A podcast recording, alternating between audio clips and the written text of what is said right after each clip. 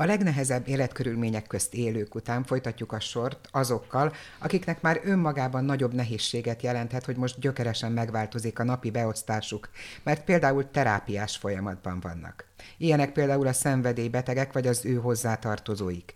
Azt talán csak kevesen tudják, hogy Budapesten mindössze 4-5 drogambulancia van, ebből az egyik legrégebbi éppen itt Ferencvárosban, a Gát utcában működik.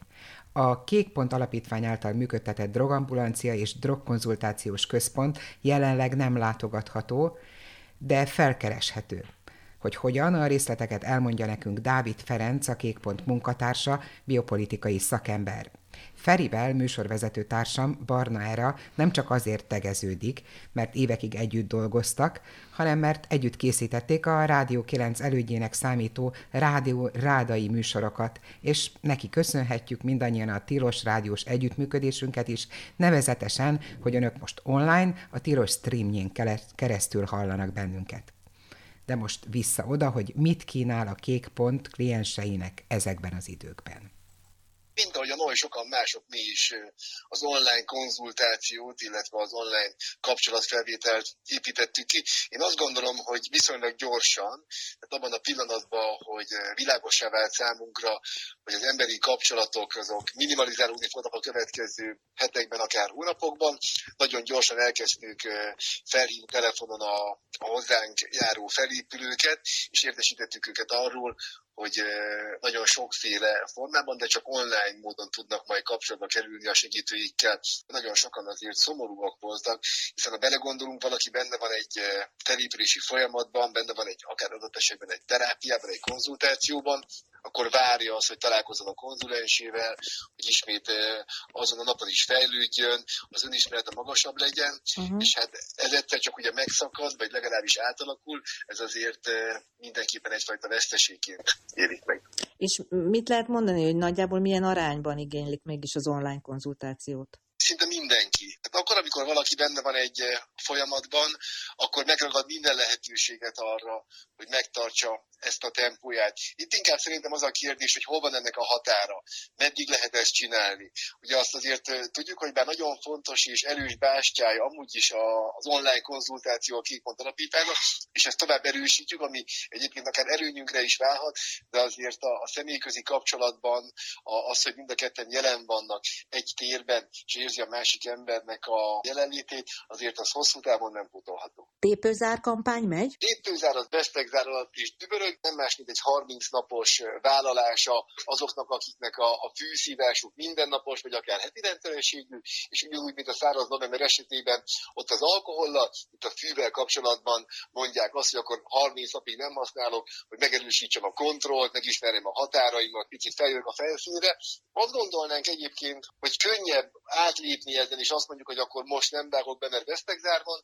Ha vele gondolunk abból, hogy milyen sok negatív hír ír minket, mennyi sok potenciális traumatizáló híradás jelenik meg, amelyek mondjuk az ember be van szívva, akkor még negatívabbként hathatnak rá. Én azt gondolom, hogy akik belevágtak ebbe, most arra már eltelt egy hét, szépen lassan megnyugszanak, elmúlnak a kezdeti pszichés elvonási tünetek, és akkor lehet otthon szépen fekvőtámaszokat nyomni, levelekre válaszolni, felvenni az online életnek a ritmusát, hogyha hallgatja az adást, aki pépézárazik, akkor neki üzenem, hogy tartson ki közel a 420. Olvastam mostanában olyan cikkeket, ahol felhívják addiktológus is a figyelmet arra, hogy érdemes figyelni a szokásainkat, hogy a megváltozott napirendbe mondjuk az alkoholfogyasztás az hogyan lép be. Az egészet csak azért hozom szóba, hogy ti mennyire számoltok a kékpontban azzal, hogy esetleg most új belépők lesznek pont a kialakult helyzet miatt. Én azt gondolom, hogy bizonyos szempontból mindannyian ki vagyunk téve kockázatnak, akik valamilyen örömforrással él. A bezártság, a beszűkülő lehetőségek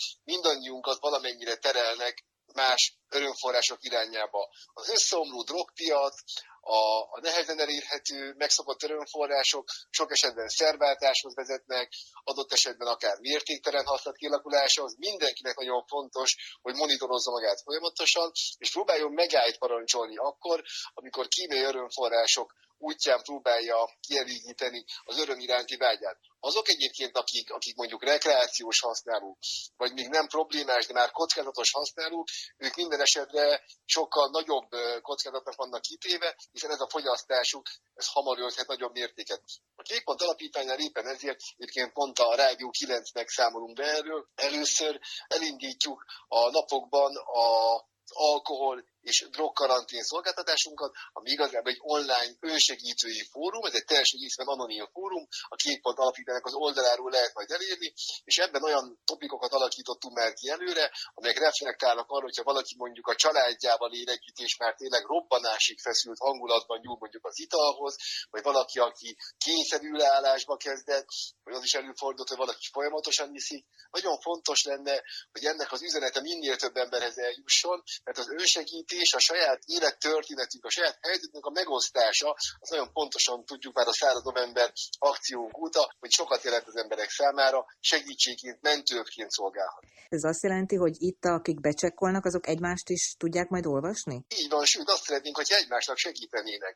Online segítői platform, de természetesen lesznek kék pont önkéntesek, kék pont szakemberek, akik a kék pont név alatt moderálják ezt a fórumot, de azt szeretnénk, hogy az emberek egymásnak is nyújtsanak segítséget. Képzeljük el, hogy valaki például már meglévő alkohol problémás családban él együtt, egy karantén során ezek felerősödnek, neki ugyanúgy segítségre szükség ahhoz, hogy találjon valamilyen megküzdési stratégiát, hogy érezze, hogy nincsen egyedül, vagy akár ő maga online hozzátartozói konzultációba kerüljön. Egy ilyen típusú online fórumnak a létét vagy a működését befolyásolhatja szerinted az, hogy tegnap óta kicsit más világot élünk itthon? Tehát, hogy az a fajta demokratikus intézményrendszer, ami korábban működött, az ugye, az ugye most nincsen, és rendeleti kormányzás van. Tehát, hogy itt arra gondolok elsősorban, hogy itt elég érzékeny dolgok derülnek ki emberekről adatvédelmi, egészségügyi adatok szempontjából. Én azt gondolom, hogy a semmilyen módon nem érinti. A két alapítványnak minden egyes szolgáltatása azok szerint az adatkezelési rendszerek szerint működik, amelyben nem férhetnek hozzá ezekhez az adatokhoz, tehát teljesen biztonságos. Az, hogy egyébként milyen óriási változások zajlanak körülöttünk, és hogy mi az, ami átalakul, ez fontos, mint egyfajta kontextusként, de ez közvetlenül a segítői folyamatokat nem befolyásolja nálunk ti is kaptok állami normatívát. Van most valami segítség az állam részéről, ami arra reagál, hogy most ugye nyilván másképp lesz a, a kliensek, vagy nem tudom, egyáltalán a klienseknek a nyilvántartása, nektek vannak ilyen ellátotti kötelezettségeitek, szóval, hogy kommunikál veletek mondjuk a minisztérium? Természetesen az EMI is kiadta ezzel kapcsolatban az állásfoglalását, sikerült azt a fajta szabályozást, amit egyébként mi magunk is kialakítottunk, ugyanúgy hivatali szinten is megerősíteni. Tartjuk a feladatmutatót, sikerült, én azt gondolom, úgy átállni online konzultációra, hogy az ellátási forrásaink azok nem sérülnek, és egyelőre úgy tűnik, hogy minden marad a régiben. Ez a beszélgetés Dávid Ferenccel, a Kékpont munkatársával még kedden készült, azóta el is indult valóban a Kékpont drog és alkohol karantén programja, ami, ahogy hallottuk, egy online és anonim fórum, illetve segítőhely. Részletek és bekapcsolódási lehetőség, tehát egyrészt lehetőség a Kékpont oldalán keresztül, a kékpont.hu oldalon, annyi rengeteg cím van meg minden ezekben a visszakonfokban és felkonfokban, hogy őrület de infóból egyébként a Kékpontnak a Facebook oldalán is van most már bőven. Én megnéztem direkt a műsor előtt, és nagyon érthetően és világosan le van az írva, hogy tulajdonképpen mi ez a kampány, és hogy kiket várnak oda. Én is szeretnék kérdezni valamit. Szintén kampányról. Hallottam már a száraz Na. novemberről. Azt uh-huh. tudom, hogy micsoda. Uh-huh. De erősen gondolkodtam, és nem jöttem rá, hogy a tépőzár program az Mitől tépőzár? a tépőzár program ugye azt a Feri nagyjából megmagyarázza, persze nagyon röviden ebben az interjúban, hogy elsősorban azoknak szól, akik marihuána fogyasztók, és? akik mondjuk problémás adott esetben rendszeres vagy problémás marihuána fogyasztók, és azért tépőzár, ebből látszik egyébként, hogy te nem vagy célcsoport, mert, mert a slangben használatos az a kifejezés, amikor valaki marihuána által ö, okay. módosult tudatállapotba kerül, vagyis betép. be van szív, vagy betép, igen. És akkor a tépő zár, Valóban az nem utal arra, hogy, hogy, igen, hogy a most tépőzár számomra a varráshoz szükséges dolog. Hát figyelj, ez, ez, ez kicsit generációs kérdés is, de azok, akiknek szól, azok valószínűleg értik. Köszönöm. Beszéltünk arról, hogy kicsit komolyabb témára, de tényleg hálás vagyok, hogy ezt most így megtudtam hogy Ferencvárosban, ugye Ferencvárosban működik az egyik legrégebbi drogambulancia, és azt is tudom, hogy Ferencváros más adiktológiai programokkal uh-huh. is elég jól el van látva, és azt amikor arra járok, azt én is tudom, hogy a Berzencei utcában van az Iris szenvedélybetegeket ellátó nappali intézmény. Ők most működnek-e, tudsz -e róluk valamit, vagy mi Igen. van velük? Igen, tegnap beszéltem Kovács Tiborral, aki addiktológiai konzultáns és ennek az Irisnek a vezetője, és a Tibor elmondta nekem, hogy hát ők nem tudnak most nyitva lenni. Egyébként ez nagyjából úgy néz ki, hogy 30 fő mm, befogadására alkalmas intézmény, amiről beszélünk, de nem tudnak nyitva tartani, viszont ők is kezdenek átállni az online tanácsadásra, segítségnyújtásra. Azok, akik nem tudják, tehát itt alkoholbetegek fordulnak meg, és jellemzően kerületiek, illetve olyanok, akik vagy egyéni tanácsadást vesznek igénybe, vagy valamilyen csoportfoglalkozáson vannak. Most elmondta Kovács Tibor, hogy van két csoportjuk is, amelyik mind a kettő megpróbál átállni majd ilyen online üzemmódra.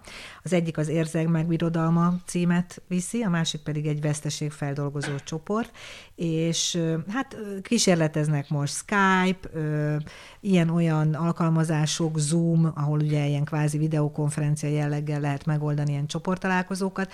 Azért van különösen nehéz dolguk, mert itt ö, átlagosan a kliensek vagy az ügyfelek 65 év felettiek, és erre a korosztályra kevésbé jellemző az, hogy ebben az online térben olyan nagyon otthonosan mozognak, és ö, nekik egy kicsit több időre van szükségük meg valami szorosabb emberfogásos segítségre ahhoz, hogy, hogy, hogy ebben, ebben úgy, úgy komfortosan tudják érezni magukat.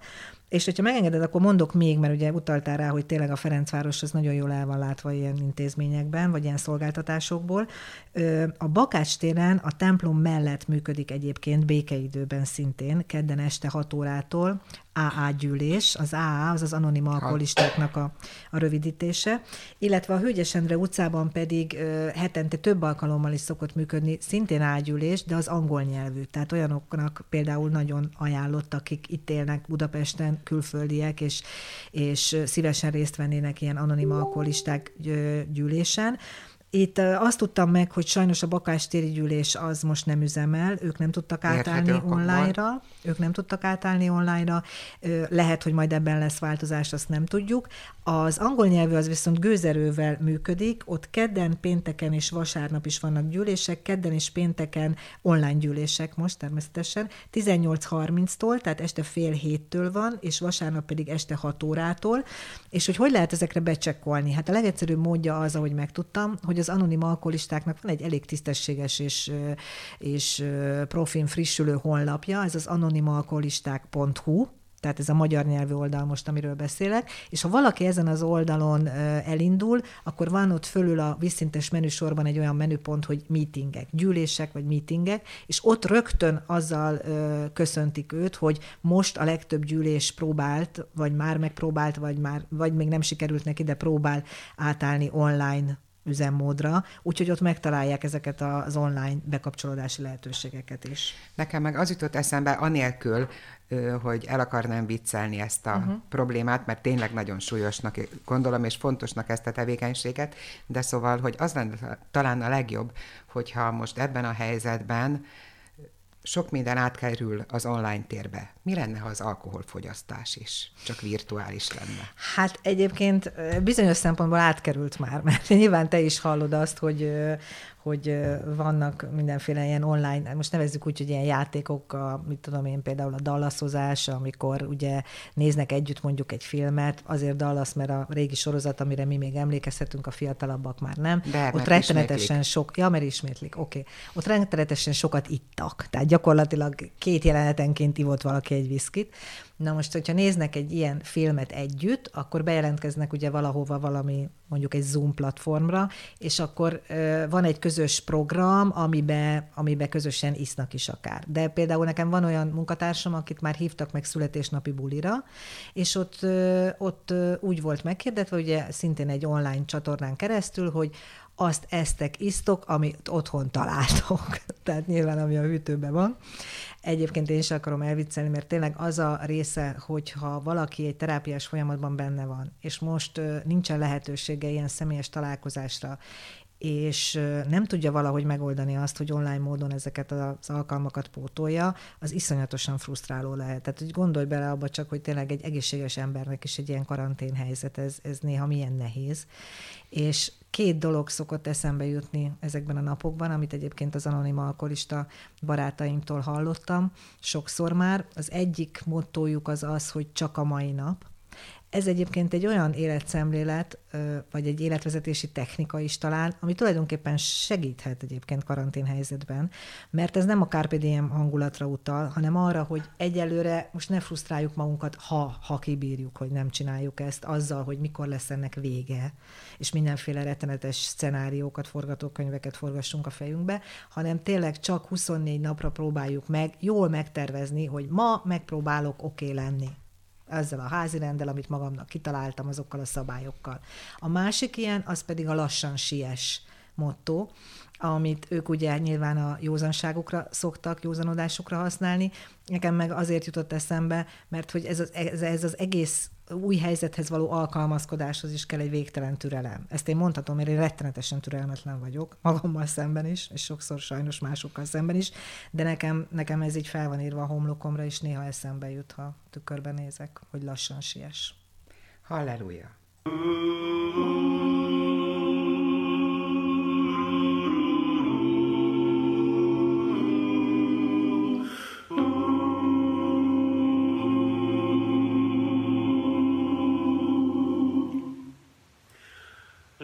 másod, hogyha eltement, magányod kérgen nem remen, és félsz az arcot párnáiba furva. Mert jönnek a hírek rémesek, remény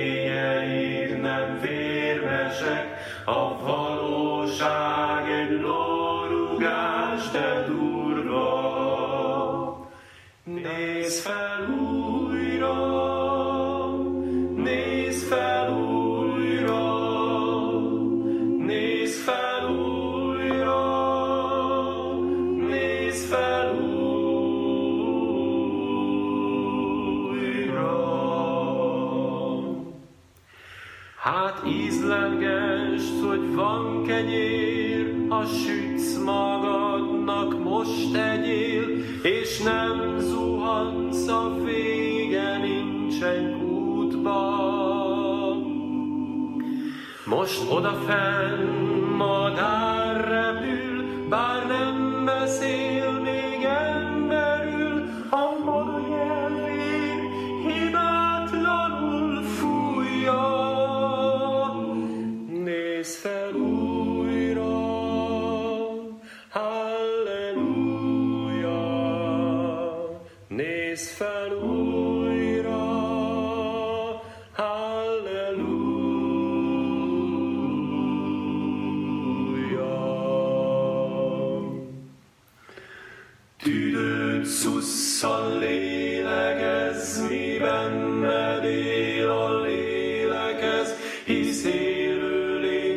Lindendorp korv